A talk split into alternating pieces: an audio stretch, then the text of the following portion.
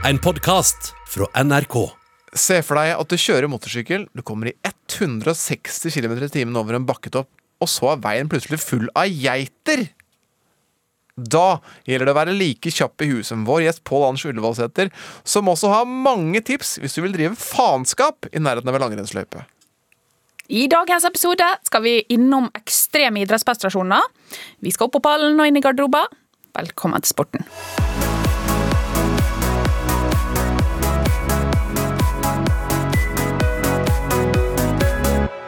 Nå er det fader meg like før Pål Anders Ullevålsæter kommer her, og det, det er, si, er ganske rått for meg. Så jeg har jo Jeg ser du gleder deg. Jeg har jo gjennomført to sånne Gjennomført var å ta i, kanskje. Men jeg jeg har vært journalist på to sånne Dakar Rally.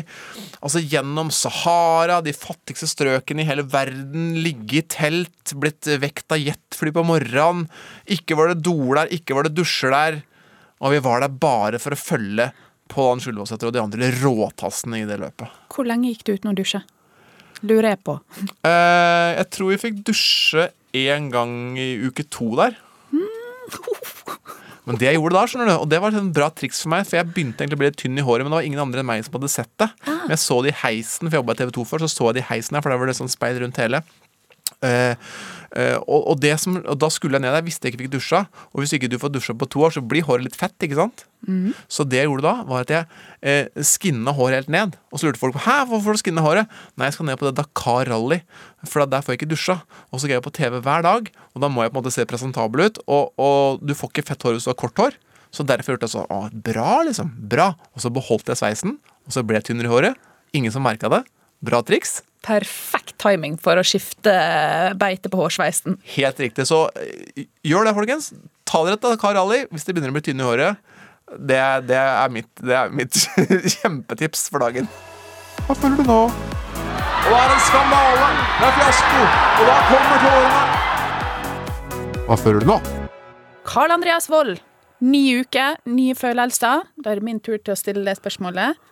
Hva føler du nå? Åh, var det deilig å være på andre sida og stille spørsmål, eller? Syns det var litt godt. Kjentes bra ut. Det har vært masse fin sport denne uka her. Eh, som det alltid er, og du kan fortelle ting om det aller meste, så ligger det ting bak som er veldig interessant. Men det var én ting som jeg syns skilte seg litt ut, og det var med en av de rett og slett råeste og yngste idrettsutøverne vi har i landet. Han har, og han er allerede i verdenstoppen og herjer. To X Games-gull har han. Han har gull fra vinter-OL. Eh, for ungdom. Altså, han er god i slopestyle, han er god i big air. Han er vel den beste freeskieren i verden akkurat nå. Det er selvfølgelig Birkerud jeg snakker om. Men han har hatt et, eh, tøft halvår, og det er nok ikke alle som har, har visst det. Men i juli fikk han altså beskjed om at faren hans hadde fått eh, kreft. Og, og faren er alvorlig syk. Og har, eh, liksom, det har vært et vanskelig halvår, så Birk han bestemte seg for å droppe samlinger og konkurranser i høst for å være hjemme med familien. Han har trent på et sånn anlegg som han har bygd i hagen til bestefaren. Og det har han egentlig brukt i ungdommen, men han, det er det han har trent på. Eh, og selv om de selvfølgelig håper at det skal gå bra med faren, så har de eh, tatt eh, avskjed. Vi fikk eh, pratet og klemt hverandre og liksom eh, Ja, holdt rundt hverandre og liksom eh, snakket om at eh, om, alle, om alle ting vi har fått gjort sammen, og hadde en veldig en fin og liksom dyp samtale. da. Ja, rett og slett kjenne på at man liksom er glad i hverandre. Dette er ganske sterke saker, Nina. Ja, jeg kjenner feilt vondt inni meg, og så blir jeg så imponert over måten han takler det på. Ja, Eh, også i tross av at han er så ung. ja. Eh, Og da har de altså hatt den praten her, og, og da Da finner eh, de ut, sikkert litt i fellesskap, at eh, nå har de tatt avskjed, så hvis det ikke går bra, så går det ikke bra. Men han kan dra ut på en konkurranse igjen. Og han drar altså ut og blir med i sin første Første gang konkurrere for denne sesongen. Her hagler det 90-poengere. Ok, eh, nå har Birk Ruud en, eh, virkelig en jobb å gjøre. Antoine Adelis opp i tet med 92-4 og 97-20. Det skal du klare, Birk Ruud. Kom igjen nå. Du har eh, 96 fra runde nummer én. Hva klarer du nå? Kommer en forlengs, det lukter dobbel bio 1800! Ja! Se landingen til Birkerud. Fjellstøtt. Oi, oi, oi. Ok, nå blir jeg spent på hva dommerne syns snart. Ja da! 97-20! Oi, oi, oi! Og Birkerud gjør det for faren sin, gjør det for Norge, og gjør det ikke minst for seg selv. Han vinner denne konkurransen. Det første jeg gjorde når jeg tok eh, siste runnet mitt, så ringte jeg til eh, mamma på FaceTime, for jeg visste at eh, hun var med pappa på sykehuset og kunne vise dem at det var premieutdeling og si hei og at jeg var glad i dem. Altså, det var veldig fint, og jeg tror de syntes det var morsomt også. Han er bare 20 år, Nina. Åh, jeg bare sitter med tårer i øynene og frysninger på armene. Uff a meg, altså. For Det, en type, og for, en, for et forbilde. ja, han er helt rå, og det fokuset han klarer å dra frem når han sliter med sånne ting på privaten. Jeg tror eh, idrett og privatlivet går jo hånd i hånd. Og det at han klarer å holde fokus og prestere det han gjør der, det, ja, det er helt vilt. Og så er det Kreft det er en forferdelig sykdom. Det er mange som på en måte har noen i familien, noen venner som er eh, Som, som er ramma av det.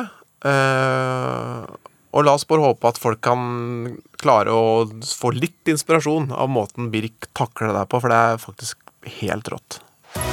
Opp på pallen og inn i garderoben. Det her er sporten. Alle gode konkurranser ender i en pall, og nå med Nina på plass i studio, så har det dette her blitt et helvete, fordi hun skal jo prøve å vinne denne pallen.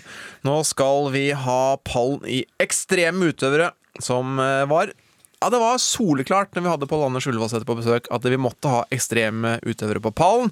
Og dette, Nina, er vår personlige liste. Helt klart. Og jeg er veldig spent på hvem som vinner. Det er nok meg, da, siden du har gjort det der til en konkurranse. Men la oss nå høre. La oss komme i gang. Mesdames et messieurs, medaille de bronze, Ladies and gentlemen, the bronze medalist.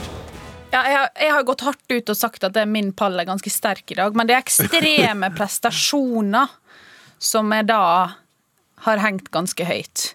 Ja. Um, og, jeg, og det er jo også litt basert på hva som fascinerer meg. Så min bronseplass, den går til Marathon-man Stefan Engels. Ah, du gikk til maraton, du. Jeg gjorde det, for jeg er veldig et eller annet med løping, kanskje fordi jeg, jeg har virkelig hata å løpe sjøl eh, tidligere. Men han har, han har blitt eh, laget, det har blitt laga film om han. Han ble eh, diagnostisert med astma da han var liten. Og så rett og slett bestemte han seg fra 2011 til to, nei, 2010 til 2011 så bestemte han seg for å løpe 365 maraton i løpet av 365 dager. Altså, han tar ett maraton hver dag, rett og slett. Ja. Så, og egentlig bare for å vise at det er mulig. Og det ble en liten sånn protest eh, mot mangelen på fysisk aktivitet. Så jeg, jeg blir helt sånn satt ut over at det i det hele tatt er mulig for kroppen å, å, å takle den eh, fysiske påkjenninga. Og, og jeg har jo ikke sett filmen. Gikk det? Ja da, det gikk det. Til og med med en liten magesjau inni der, og det var, det var litt av hvert som dukka opp, men han klarte det. Og det var litt sånn Ja, hvis han klarer det, sa han, så klarer vel folk å ta seg ei lita økt etter jobb, eller Det var liksom Ja, han skulle bare vise at det, gikk. Og, og det har han jo rett i. Helt klart. Så ja, det, det er min bransje. Hvor mange dager har du klart å henge med, tror du? Null. Du? Altså, en halv? Hadde klart en halv, eller? Jeg vet ikke. Nei, jeg vet altså, jeg ikke, vet virkelig ikke. Jeg er ordentlig dårlig å løpe, altså. Fra løping eh, vi, skal på, ba- vi skal fra bakken, og vi skal opp i lufta til en jente som eh, skrev historie da hun eh, var med i sitt aller første X Games. Switch left. Whoop, 1080. Stopped. Man, how do you touch that? What a run from Esto- the pride of Estonia. I guess she's on the news almost every night. Updates on what Kelly Silderu is doing. She's only 14 years of age. And check this out. Og dette her var altså år nummer to, da. For jeg klarte ikke å finne en like god lyd fra året før, for da var hun bare 13 år. kommer altså inn i X Games og er fra liksom Estland. Du tenker jo ikke at det er liksom sånn Men hvem vi snakker om her? Vi snakker om Kelly Sildaru. Det kan godt hende den heter Keldi Sildaru, tenker jeg, for de er litt sånn finskaktig i Estland. Kelly Sildaru, som de sier i USA, kom altså inn som 13-åring. Jenta hadde bare øvd i en liten sånn park i, i hjembyen sin som var bare en slags, slags haug som ikke var lenger enn 50 meter, og der var det topp og en rail, da, ikke sant? Og er altså så fullstendig overlegen og er den yngste noensinne som vinner eh, X Games eh, vintergullmedalje. Eh, og etter det så har hun bare herja. Altså hun var for ung for å kjøre verdenscup, så det fikk hun ikke lov til. Men hun herja X Games. Og har bare fortsatt. Setter triks som ingen andre kvinner har satt før. Eh, fem X Games-gull har hun nå, både slopestyle og halfpipe. Hun har ungdoms-OL-gull i slopestyle. Hun hadde også hatt OL-gull i 2018 hvis hun ikke hadde skada seg. Det er i hvert fall helt garantert. Og det, bare det å komme inn fra ingen steds fra, være tenåring altså så vidt, altså Hun er bare så vidt er tenåring! Hun var tolv året før! Og herjer og endrer en hel sport. Ja, det er en ekstrem prestasjon. Rett fra barneskolen. Ja, faktisk. Helt rått. Kelly Sildaru fra Estland. Det, hun kommer til å være med lenge. Mesdames et messieurs, médaillé d'argent. Ladies and gentlemen, the silver medalist. Så jeg har da hatt bronseplassen min. Det, det henger jo òg sammen med sølvplassen min, hva jeg er fascinert av. Um, og Og det er løping først. fellesnevneren Ja, løping har det på bransje. Det har også med pust å gjøre. Uh, min sølvplass uh, den har særdeles mye med pust å gjøre. For det er verdensrekordholderen i fridykking. Han heter Herbert, Herbert Nitsch, og han holder verdensrekorden på 214 meter. I love swimming and diving, interacting with marine life. You're more than just a spectator, and it's just a world that opens up, and I wouldn't want to miss it. I think as a good free diver, you have to be in tune with your body. Not many people comprehend what means really listening to the body. Så grunnen til at jeg er helt ja, superfascinert over det er gjennom karrieren min så har jeg hatt litt sånn her, ja, Vi har jo snakka om det før, jeg har hatt prestasjonsangst, og mye av det henger sammen med pusten. Men det folk vet, er at jeg prøvde jo altså min reise gjennom karrieren for å prestere bedre i skibakken. Hang mye sammen med pust. Så det begynte med at jeg, jeg starta med yoga. Eh, og så gikk jeg over til at jeg, jeg faktisk gikk på et pustekurs. Eh, og så var jeg i eh, Spania, og så fant jeg ut ja, men jeg kan jo ikke å svømme ordentlig bryst. Du vet sånn der man går opp og ned, og liksom du trekker pusten, så blåser du ut under vann. Så det fant jeg ut, ok, da må jeg lære meg det. For det henger også sammen med trygghet og timing på pust, og det å tørre å gi slipp. Så, så det, det er grunnen til at han står på lista mi. Da kan du se for deg Nina, det her var, da var jeg 27 år gammel, eh, med svømmebriller og neseklype i et basseng der jeg har vann opp til eh, brystet. Så går jeg bortover og stikker hodet nedi, blåser ut og opp. Mens jeg får litt panikk, ikke sant? For du, altså, du var redd for å ha huet vann, eller? Jeg, egentlig ikke bare huet vann. Jeg var redd for å Jeg var veldig engstelig for det å ikke få luft. Så akkurat der var jeg veldig sånn Men det det endte med, var at jeg gikk bortover det bassenget her. Begynte med at jeg, jeg gikk den lengden og pusta.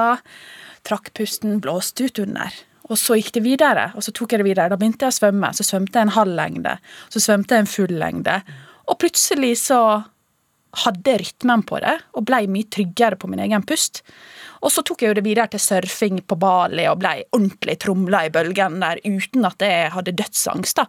Så, men det, det er litt sånn personlig historie for at det, han er på min sølvplass. Ja. Men Herbert han hadde holdt pusten-kurs.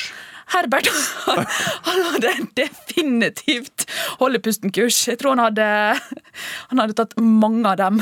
Eh, Min sølvplass, det er Altså, det er jo sport, det er ikke noen tvil om det. Det er altså en som er seks ganger verdensmester i ultrafjelløp.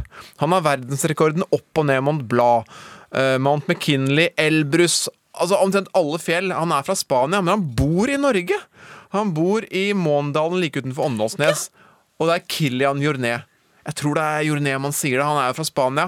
Men altså, for, altså, for en type! Altså, han trener i Romsdalsalpene. Går opp sju-åtte topper i løpet av en treningsøkt. Og dette her, er bare, dette her er ikke en oppfordring, dette her er bare et krav om at du som hører på, gå inn på YouTube og se hva Kilian Jornet hva, hva han gjør. Han har annet en uh, tur hvor han løper altså over alle toppene i Horungene, som er sånne veldig spisse alpine fjell eh, som ligger i Norge. Opp og ned og opp og ned. Og det er liksom de Det er stupbratt ned på begge sider. Og så jogger han og løper oppå der. Altså han, kan, han, kunne, han kunne dødd 100 ganger bare på ett sånt fjell. Gå inn på YouTube, sjekk det. Han kunne både fått sølvgull, blonse og platinum, egentlig, for det han gjør, er bare helt sjukt. Jeg er faktisk helt enig. Han er, han er helt vill. Eh, og så er han bosatt i Møre og Romsdal. altså, det er i Måndalen. Ja. Men der, der er det rå fjell rundt. Ikke sant? Lett for han å trene. Så, men for en fantastisk utøver, og for en kondisjon. Jeg skjønner ingenting. Mesdames et messieurs, médaillé d'or, Ladies and gentlemen, gold medalist. Felix, you calling me? Keep talking, Felix. Keep talking. Three minutes free fall. Three minutes free fall. I have been for for a long time. Felix, you're at the coldest altitude. The further you fall, the warmer it's going to get. I'm pulling my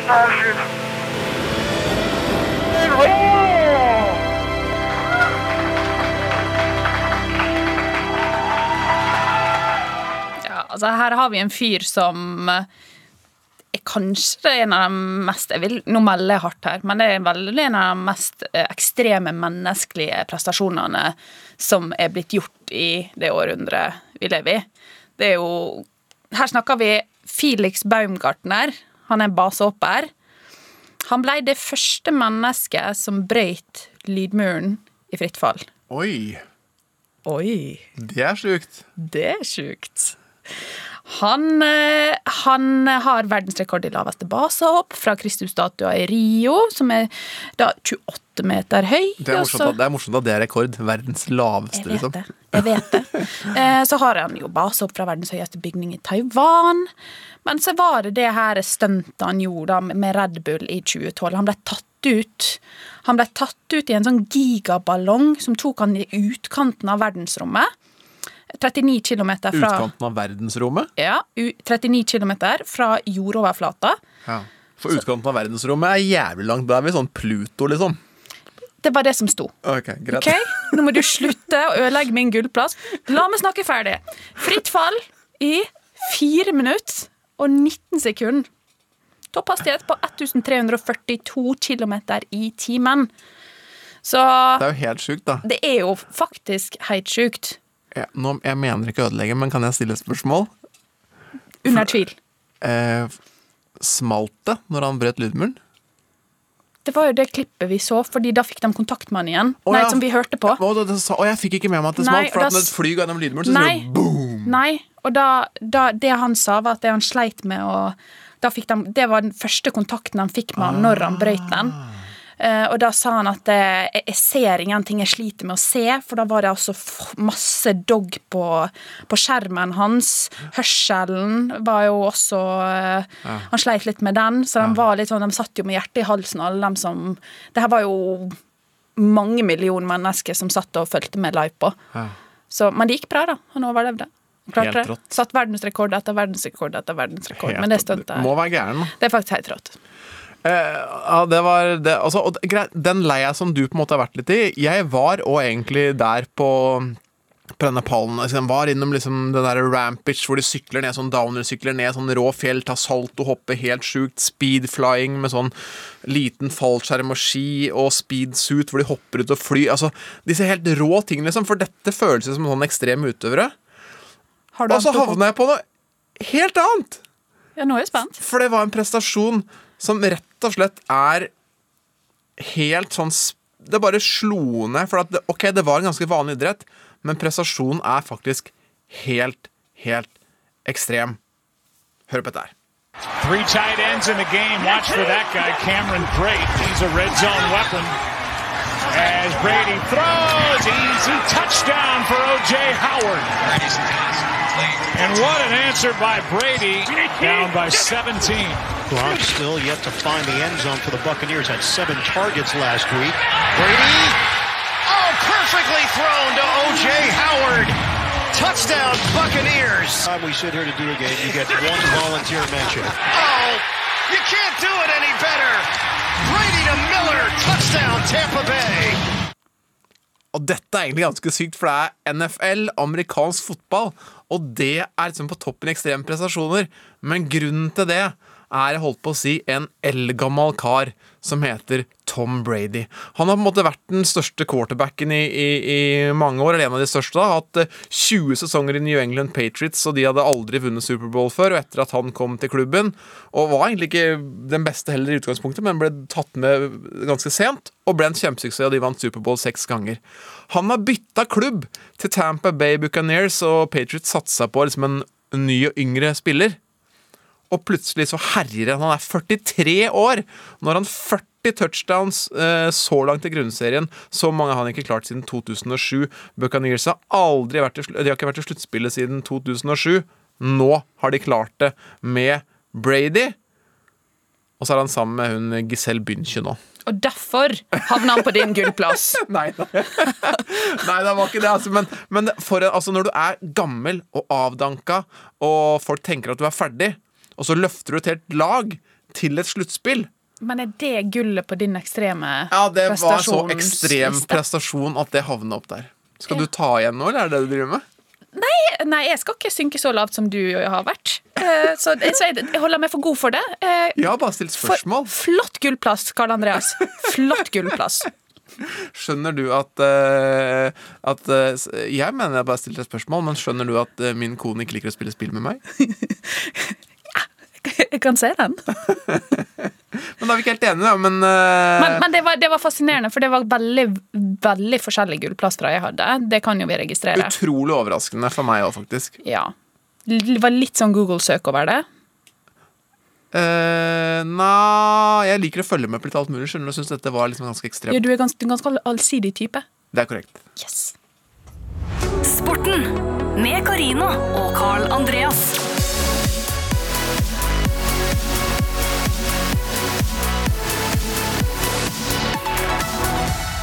Ja, men det er fortsatt uh, Nina Løse som sitter her, da, som eh, er flink og fin vikar, og mens Karina passer på sitt eh, andre barn, og første barn er vel i barnehagen, tenker jeg. Men nå, Nina, har vi fått besøk i studio av en mann som altså for første gang er hjemme i romjula og starten på året, for han pleier alltid å være i Afrika. Det er selvfølgelig Pål Anders Ullevålseter jeg snakker om.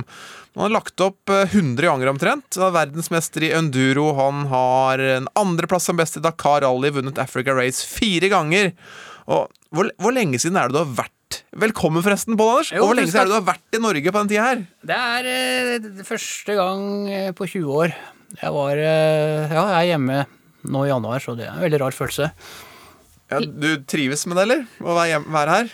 Nei, det har vært en forferdelig jul. Eh, altså Vanligvis eh, i jula så er jeg jo ikke til stede hjemme. Jeg har som regel fått lov å være hjemme på julaften, men jeg har også feira julaften på autobanen på vei nedover til start i Paris-Dakar. Men vanligvis så er jo hodet fullt av eh, ja, logistikk da, og planer og nerver og alt som skal på plass. Eh, sånn at eh, når jeg er hjemme i jula, så prøver jeg å være til stede, men jeg er jo ikke ordentlig til stede. Men så, nå i jula så var det helt forferdelig. Det eneste jeg måtte bruke huet mitt på, det var liksom hva jeg skulle kjøpe julepresanger.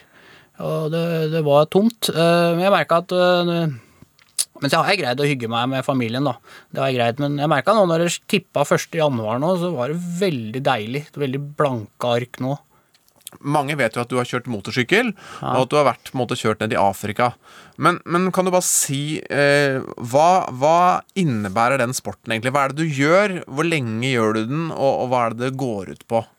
Nei, Paris-Dakar, eller en, særlig Paris-Dakar, da, det er rundt 1000 mil. Mellom 14 og 16 dager. Og det er ikke på vei?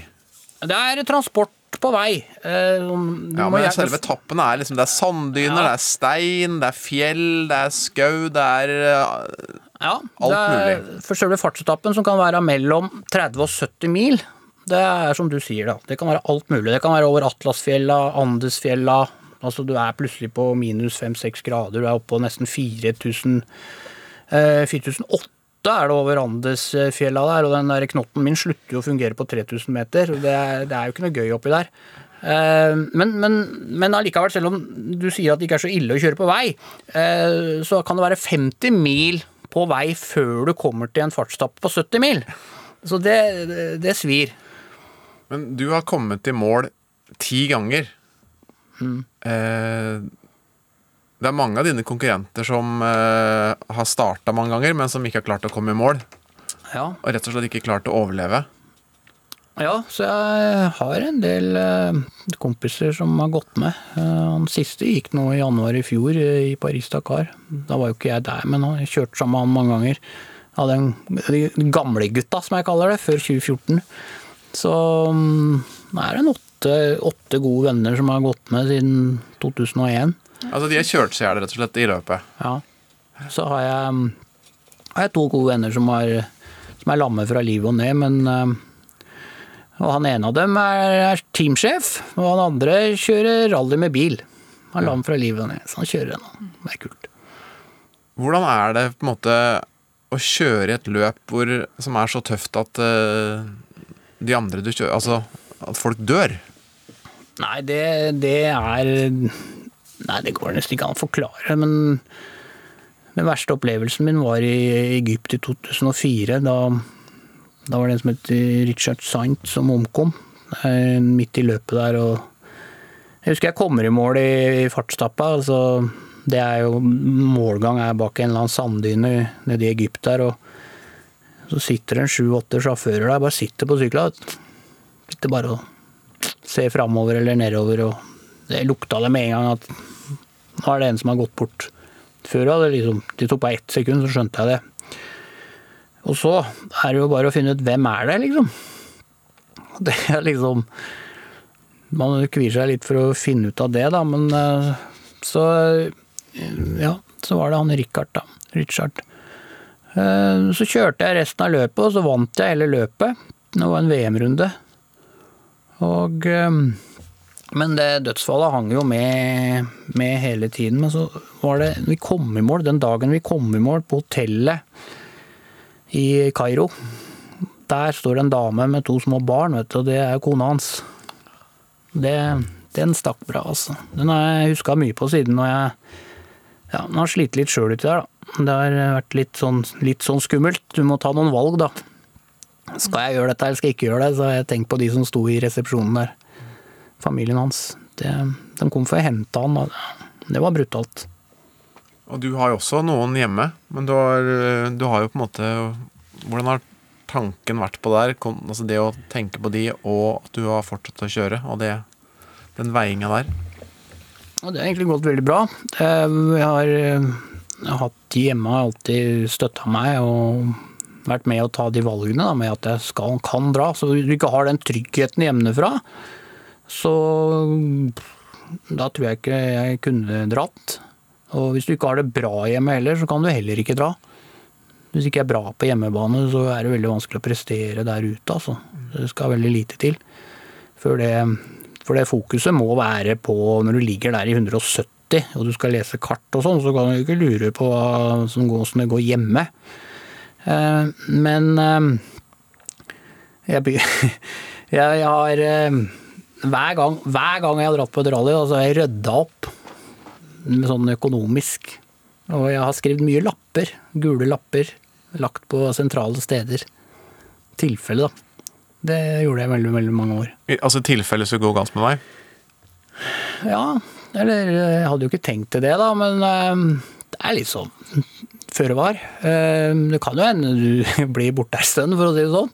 Hva, hva kunne det stå på en sånn lapp, da? Den motorsykkelen som står på verkstedet der og der, den har jeg lånt i den og den butikken, f.eks. Den er ikke min. Um, ja, skylder det og det på den til den og den. Ja, det kan være litt sånn småtteri, da. Ja. Mm. Men har du noen gang droppa et løp fordi du har kjent at fokuset ikke har vært der? Nei. Um, aldri hatt problem med, med fokuset. Men um, jeg har nok blitt, blitt hjemme um, av mange VM-runder fordi jeg har ikke hatt råd til å kjøre alle VM-rundene. Det som er så utrolig fint med sporten, her, du, det er at det, uansett hvordan du ser ut, går kledd, åssen utstyr du har, så er det ingen som ler av deg. Altså, det blir så mye slalåm, hvis du kommer med sånn utstyr fra 80-tallet, liksom. Det kan vi gjøre i rally.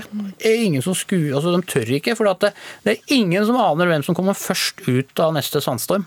Ikke sant? Det kan være han derre snålingen. Du har jo kjørt mye med en fører som heter Felix Jensen på alle løpene dine i Afrika. Og da er det du som har ansvar for opplegget, inkludert mat. Veldig nøye mat. Eh, og da, for at ikke du kan spise maten i Afrika, det er et opplegg for det, men det har du ikke turt å ta sjansen på, redd for å bli syk. Ja. Så dere satser på den real turmat. Det er maten sin. Det er maten. For, Ja. Der får dere energi, på en måte. Mhm. Så du kjøpte med 100 sånne poser, for dere skulle ha tre poser hver dag. Ja. Ikke sant? Mm. var, det, det var det noe ja, Felix fortalte meg da at det var noe han var misfornøyd med med den turmaten du hadde ordna. Jeg kan ikke noe for at Felix Jensen ikke liker kylling i karri. Nå må du ha 100 poser med det, så får du ete av det. Eller så får du ete den lokale maten hos nomadene der nede. Men du veit at det fins flere smaker, så du kan variere litt? Men det er den jeg liker. Som teamsjef da, så må han også spise det. Han skal ikke være bortskjemt for første turen. Men med, med, med Altså, ja. å få magesjau under et sånt løp Ja, det har jeg hatt. Det har du hatt. Ja, så det er, da er du stort sett ferdig. Altså, det går to til tre døgn, og så er du, er du så dehydrert, og du er ferdig. Jeg, jeg var, kjørte en VM-runde i Marokko i 2003. Da fikk jeg magasjau, da. Og da da husker jeg lå midt Jeg, jeg starta morgenen og var helt tomt. Det bare rant ut absolutt overalt. Etter fem mil da, så bare sto jeg på alle fire uti der og med buksa ned på knærne og rallybiler bare kjørte forbi meg. og Fy fader, da måtte jeg Da havna jeg Da lå jeg i tre døgn oppe i en landsby der, inni en liten sånn steinbu. Sammen, og så Der kom det inn en sånn type heksedoktor, husker jeg, med sånn der svart pulver, og han putta i kjeften på meg. Så ringte jeg hjem til Norsk Luftambulanse eller hva det var for noe. Liksom, «Åssen- hva gjør jeg nå, da? Nei, du må komme deg på flyplass. Ja, men det er 80 mil. Ja, men vi får ikke henta deg oppe i Atlasfjella der. Så lå jeg der, da, at jeg greide å ta taxi. Bestilte taxi, skulle ta taxi 80 mil. Det var, det var den verste turen. Han, han hadde tre daue geiter på taket, forresten. Det husker jeg godt. Og så på de 80 mila, du sitter bare og teller ned, for det er så dårlig, ikke sant. Du må jo på do hele tida. Så, så stoppa greiene å stoppe hjemme hos familien sin i den byen. Han skulle vise meg hvor han bodde. Det hadde jo ikke jeg tid til. Jeg sitte i det der. Så, men det er jo helt magisk opplevelse, da. Men eh, Nei, så etter det så har jeg alltid hatt med meg tørrmat uh, sjøl. Ikke turt å røre noen ting. Så det var tøff læring. Altså, du, da spiste du maten, og så ble du dårlig av det. Ja, du, skal, du trenger ikke spise maten engang. Du kan bare være i nærheten av eh, ting, så blir du dårlig. Eh, vi var Et år etterpå så tok jeg med meg en annen meka- en norsk mekaniker. Vi kom, skulle på et rally også i Marokko, da. Langt ute i Sahara der. Og så kom vi seint på kvelden inn på et hotell. Eh, og der er det jækla koldtbordet, ikke sant. Det bare bugner med mat. Og vi har jo reist i et døgn for å komme ned der, ikke sant. Og så kom vi der, og han mekanikeren han skar jo inn, han skulle inn og ha mat. Og jeg bare tok henne i kravene og bare dro henne inn på hotellrommet, ut på terrassen, fyra primusen og kokte vann for han skulle ha kylling i karri, da. Han var så grinte. Men eh, jeg kan ikke ha en mekaniker som har diaré, ikke sant? Eh, Ikke sant? Så det som skjedde i det rallyet, det var jækla kult, for det, eh, Volkswagen var der. Det var 40 mann med diaré. Eh, men de gjennomførte med diaré. Altså de de hadde liksom brukt budsjett det året på 100 millioner. ikke sant? Og de rallersjåførene kjører jo med bleier fra før, men da fikk de virkelig brukt for det, for å si det sånn. Så eh, da hadde jeg litt taket på han mekanikeren, men til slutt allikevel. Se på han, da. Har diaré, han. Har ikke real turmat, han. Nina, hadde du spist tre poser real turmat med kylling curry hver dag i tre uker? Garantert. Kalle, jeg har spist den samme frokosten hver eneste dag i fire år. Ja. Kylling curry, Så eller? lett. Jeg hadde lett gjort det. Men det, men det er ikke bare det, er ikke bare å drive og teste sånne ting, vet du. Fordi Du skal for, når du da sitter på den sykkelen og rister den magen i 8-10-15 timer, og så plutselig har du spist noe annet som du kanskje ikke tåler fullt like mye, og det skal så lite til. Du forbereder deg i ti måneder, og så Men så vet jeg 100% hvordan kroppen reagerer akkurat, på det jeg putter inn i kjeften. Og så, og det er sånn her, her hjemme, da. Det er ikke så lett der nede, men eh, det fins ikke noe bedre styrkedrikk eller spise for meg en havregrøt. Mm. Ja, Den kan du spise klokka åtte på morgenen, varer til klokka to. Ferdig. Sånn er det i hvert fall hos meg. Det fins ikke noe som gjør meg sterkere enn havregrøt. Men det er sånn jeg har tenkt. Jeg har tenkt hva, er- hva kan jeg spise til frokost som holder lengst, og som smaker helt innafor? Altså, jeg, jeg. Jeg syns dere to skal dra på telttur og spise kylling. Eh, Og havregrøt. Og havregrøt. Eller- nei, nei, det er juks. Bare kylling skal det være. Ok, greit. Altså, du skryter jo på en måte aldri av deg sjøl og klarer ikke å si at ja, du er i god form og derfor vant du 'Mesternes mester'. Det får du ikke til. Men, men eh, Det hører jeg jo. Men du vinner jo på en måte alle TV-program du er med i, enten liksom om det er fysisk fysisk -hmm. eller om det er sosial. Altså, Hva er det som gjør at du ender opp med å vinne alle sånne TV-program? Jeg vet ikke om du så på Skal vi danse? Men Ta det andre først. da Hvorfor vinner du alle de andre programmene? Isdans? Nei, det er ganske Det er, det er en oppskrift som gjelder. Eh, Det er, det er veldig enkelt. Det, det er egentlig første du må gjøre, er å være til stede der og da. Akkurat når det skjer. Skjønner du? Ja. At det, hvis du skal kaste den der jævla øksa, da, så er det, det er da det gjelder. Det hjelper ikke hvor mye jeg har tenkt før. Du må være til stede akkurat når du kaster, og det, du må være skikkelig skjerpa, da. Fokus. Nei, men du må jo også være en litt sånn type allrounder, da. Som ehm, Altså, jeg, skulle, fra barndommen så dreiv jeg med veldig, veldig mye rart. Eh, så sånn, Du må ha litt sånn allsidighet, for at i 'Mesternes mester' så er det ofte en eller annen twist. Det kan være puslespill eller det kan være noen sånne rare greier. Vi drev, og- blant annet vi drev og skulle balansere på noen sånne lange pinner. Som du bare har på fingeren, og så skal du balansere, og da kommer jeg på at jeg har jo balansert på river og spader oppe på Ullevålseter her fra jeg var åtte år. Jeg drev og balanserte sånne ting rundt. Jeg skjønner ikke hvorfor jeg gjorde det, jeg syntes det var veldig gøy, da. Og så om balansere og sånn, det hadde jeg gjort da jeg var åtte år, ikke sant. Pål Anders, du blir beskrevet som et eh, stort, stort barn. At du fortsatt er liksom i hundre, og det skal skje ting, og du kødder, og du bøller, og du er en pøbel, og du var en pøbel. Og du vokste altså opp på Ullevålseter, Mm. som er en sånn skistue langt inn i, inn i skogen. Eh, kan du fortelle om noen av de tingene du fant på for å fylle liksom, få tida til å gå når du var ung Ja. her oppe? Ja, det, er, eh, det var mye rart, det. Eh, Men det var jo særlig skiløperne som fikk kjørt seg. Det må jeg si. Jeg, var, jeg er fortsatt utrolig god på å kaste snøball. Så på de siste bakkene inn mot Ullevålseter der, så gjemte jeg meg oppe i skogen. Jeg hadde en sånn spesiell fin haug som jeg gjemte meg bak. Da var jeg ganske nærme skiløypa, så var det om å gjøre å så treffe de luene. Men det hendte jo traff øre og øyer og sånn. Så jeg de tryna og sånne ting. Da Det var en som fikk tak i meg én gang. Jeg ble tatt én gang. Og da visste jeg ikke hva jeg het, jeg visste ikke hvor jeg bodde, og slapp unna med det, for jeg var livredd han skulle gå inn på Ullåseter. da. Men eh, jeg kastet snøball på skiløpere, da- da var jeg veldig liten, altså. Da var jeg ikke gamle karen. Knapt noe oppimot 20-åra. Og så eh, var det, syns jeg var litt gøy i den ene båten, den ene bakken her, å la, grave en liten grøft ved bunnen av bakken. Så, så på en eller annen merkelig grunn, akkurat den lysstolpa, den pæra funka ikke, vet du. Den var jo knerta av en eller annen. Sånn at eh, under der så hadde jeg gravd en liten grøft. Eh, Og når jeg ikke gadd å lage grøft, så la jeg ut en sånn liten hvit bjørkestokk. Det var veldig gøy å ligge og se på oppe der. Og så var det også det at eh, det var På kveldene der vet du, så var det jo hundrevis av par med ski. Og det skal folk fortsatt passe seg litt for når de setter skia sine der. fordi jeg synes jo De satte skiene her, for da skulle de gå inn, på inn og og, kjøpe kakao eller spise en vaffel, liksom. Ja, og jeg syns det var veldig gøy å blande alle de skia. Så når de kom ut, så var det ski bare helt ulter til bulter, og jeg lå bak julegrana og så på det. Det jeg var veldig gøy.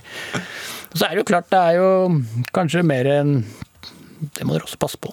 Hvis dere har litt dårlig gli ned mot Sognsvann, så kan det være av meg, altså. Jeg har smurt om litt. Ja, for, ja, for det, har nå har det vært korona òg, så nå har du kjeda deg litt. men dette, dette her må du bare litt nærmere inn på, for det, det her synes jeg var Dette syns jeg var utrolig bra spøk. Altså, folk hadde brukt lang tid, funnet den perfekte smulingen, Ja. kommet opp til Ullevålseter, inn og kjøpe, og kjøpe kakao, og hva gjorde du da? Det smurte om eh, med noe sånn klister eller noe sånt. Sånn som ikke passa helt. Så når de kom ut igjen og skulle gå da, så, ja. kladda det over? det kladda vi. Det, men altså, det funker ennå, det. Men det er De trodde de Men, hadde og greia var var helt ute. Greia var at På 80-tallet så kunne du jo legge ut en sånn liten bjørkstokk, men du kan jo ikke gjøre det i dag, vet du, for da havner du på forsida av VG. ikke sant? Så akkurat de tingene der var litt bedre før. altså. Men dette her med å smøre om, så jeg syns det er så, jeg synes det er så det bra. Det må du prøve, Karl. Det går an, det. Men, Men men på når du, men når du fulgte med på de, eh, liksom, så, eh, hvordan reagerte de når du plutselig kladda Da lå jeg jo nede for andedammen der ned mot Sognsvann der, da, så det syns jeg var jævlig gøy, da. Det hendte jeg måtte vente lenge, da, men jeg hadde ikke noe annet å gjøre. eh, du, du har snakka mye om Dakar Rally og om Sahara og ting er farlig osv. Eh, det har vært noen episoder som har skilt seg på en måte litt ut. En av de eh, inneholder eh, geiter. Kan Ja. du fortelle en historie? For den tror jeg ikke er Sikkert mange som ikke har hørt den. Jeg tror ikke Nina har hørt den heller. Nei, Hva det var- skjedde? Nei, det var, gikk fint, det. Jeg starta jeg hadde litt flaks. Jeg starta tidlig på morgenen i Paris-Dakar, og så skulle vi kjøre 15 mil eller noe sånt på, på asfaltvei ut til start. Det er strøkent. Ja. Så kom jeg 130 km over eh, en sånn bakketopp, og bak der så går det ca. 100 og et eller annet, i hvert fall 100 geiter som krysser, krysser vei, veien. og liksom bredden, Bredden på flokken er sånn 20 meter. Og, og 130 da tenker jeg jeg begynner jo å bremse litt, da, men jeg skjønner at jeg rekker jo aldri å få ned farta her.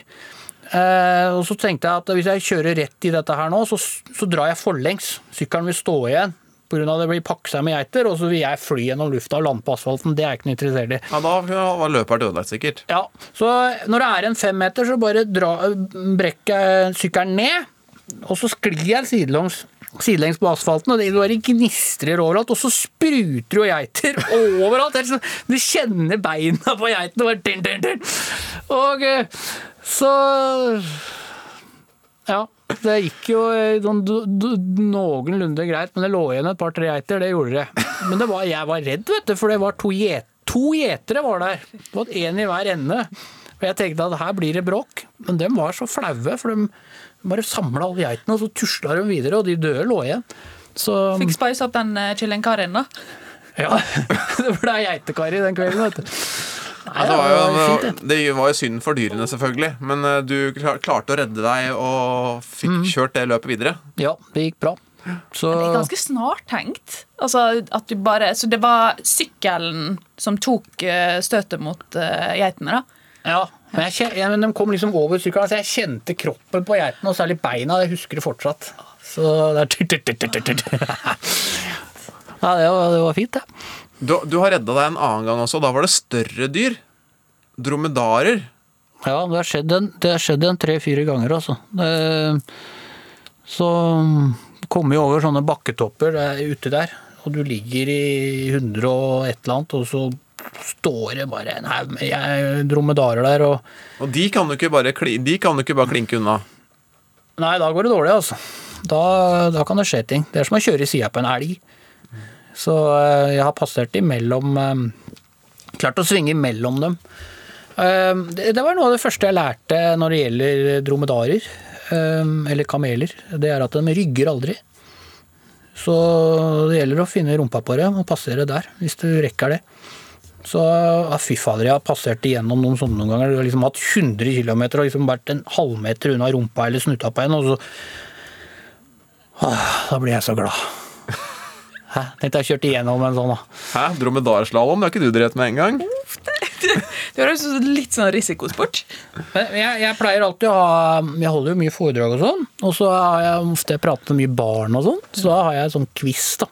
Og da spør jeg jo alltid barna om er det kameler i Afrika, og alle svarer jo ja.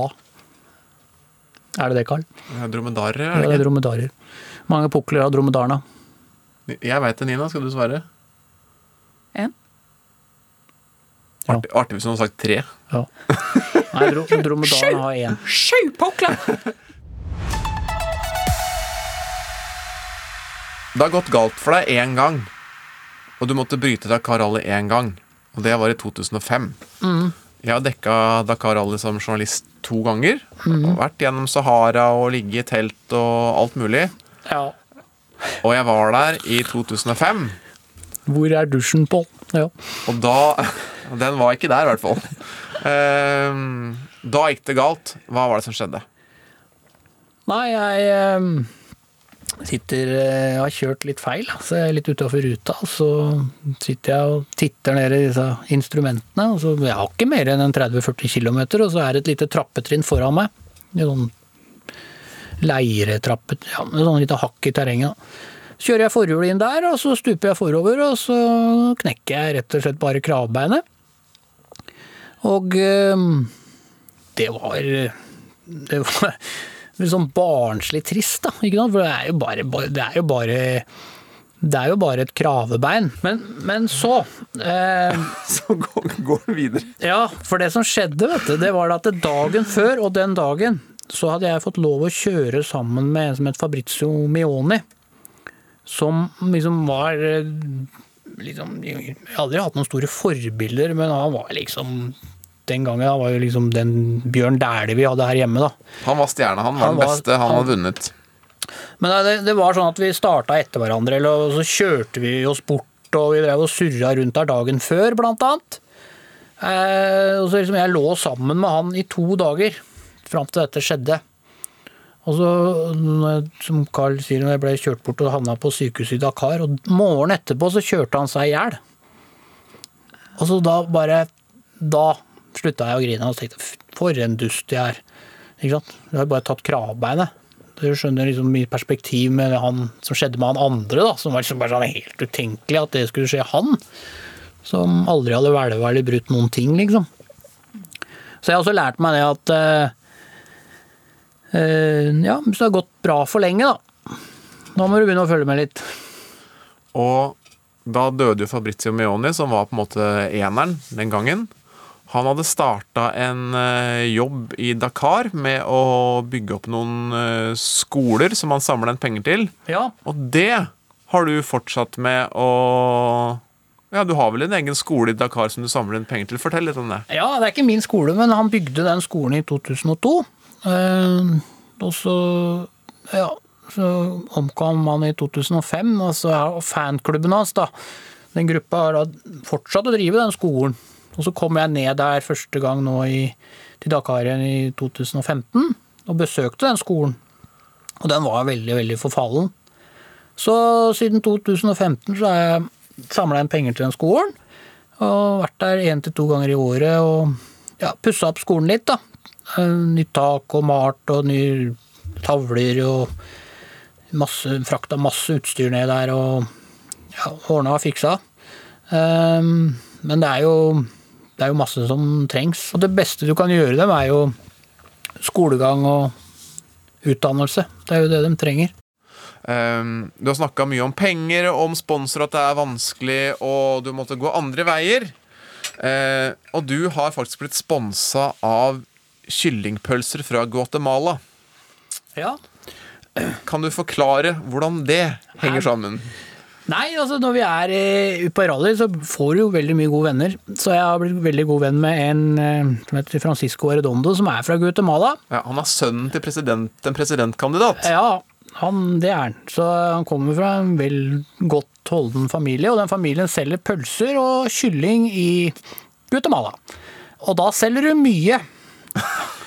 Så det, de har eh, godt med penger, og det firmaet går ennå. Han, han har da fått seg en norsk kone, som har eh, vært her i jula. Feira, feira det er her, så han er her en gang iblant. Så Du holdt nesten på å havne på, på TV, på sånn talkshow, liksom Sør-Amerika, Skavlan bort der, gjorde du ikke? Jo, det var nære det, altså. Men Det skjedde aldri, så faren hans driver sånn talkshow. Så, men han, han eh, har motorsyklene sine her i Norge, hos meg. Så når han reiser rundt i verden, så har jeg gjort klar sykla, og så leverer jeg dem stort sett der han skal, da.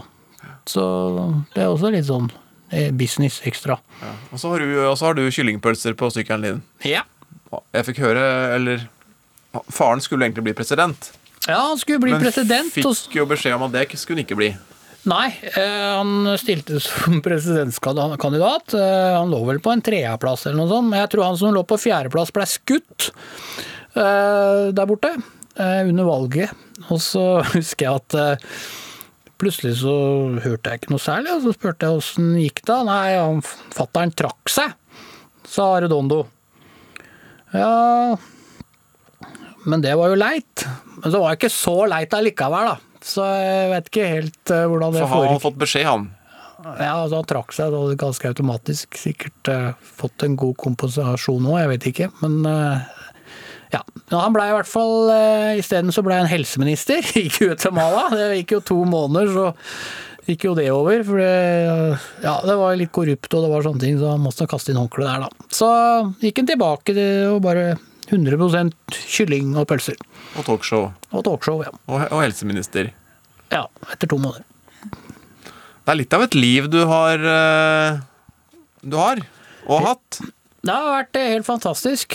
Hvis vi skal oppsummere, De beste tipsene vi også kan gi etter den praten her Dromedarer rygger ikke.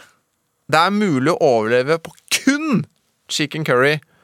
Og pass på skiene dine på Ullevålseter. Da går det deg bra i livet. Ja. Takk for at du kom. Mm, tusen takk. Hyggelig å være her. Opp på pallen og inn i garderoben. Det her er sporten. For en fyr han er! Ja, jeg kjente jeg ble helt Jeg ble tatt med inn i en helt annen verden som jeg aldri har Det var mye, mye nytt her, og veldig interessant. Jeg skulle ønske han bare kunne skryte litt mer av seg selv. Fordi at eh, jeg føler ikke at han Han vil liksom ikke si hvor tøft det er å stå på en måte på en motorsykkel i 14 timer hvor du må følge med hvert eneste sekund. Det jeg skulle ønske at han faktisk tillot seg å skryte litt av hvor, hvor tøft dette er. Ydmykhet, Karl Andreas. Ja, ikke sant? Det er ikke Det er det det heter, ja. Ja.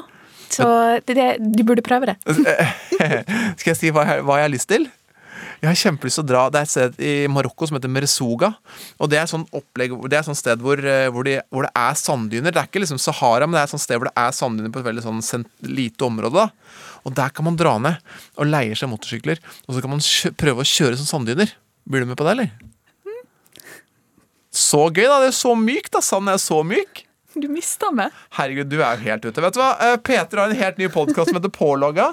Den handler rett og slett om livet på internett, så den er aktuell for oss alle. Ida Larald Brenne har vært teknisk ansvarlig. Produsent har vært uh, Geir Brekke, står det her, men det er Geir Elland heter, så det har jeg skrevet feil i stad. Eh, og så tydeligvis, hvis det er noen andre, andre enn Nina da, som vil være med til Mersuga og kjøre motorsykkel, så er det tydeligvis en ledig plass. Eh, men vi høres neste uke, da. Lykke til Det er med du med, det er du med på. Det er med på. Kjempebra. Ha det. Ha det. Du har hørt en podkast fra NRK. Hør flere podkaster og din favorittkanal i appen NRK Radio.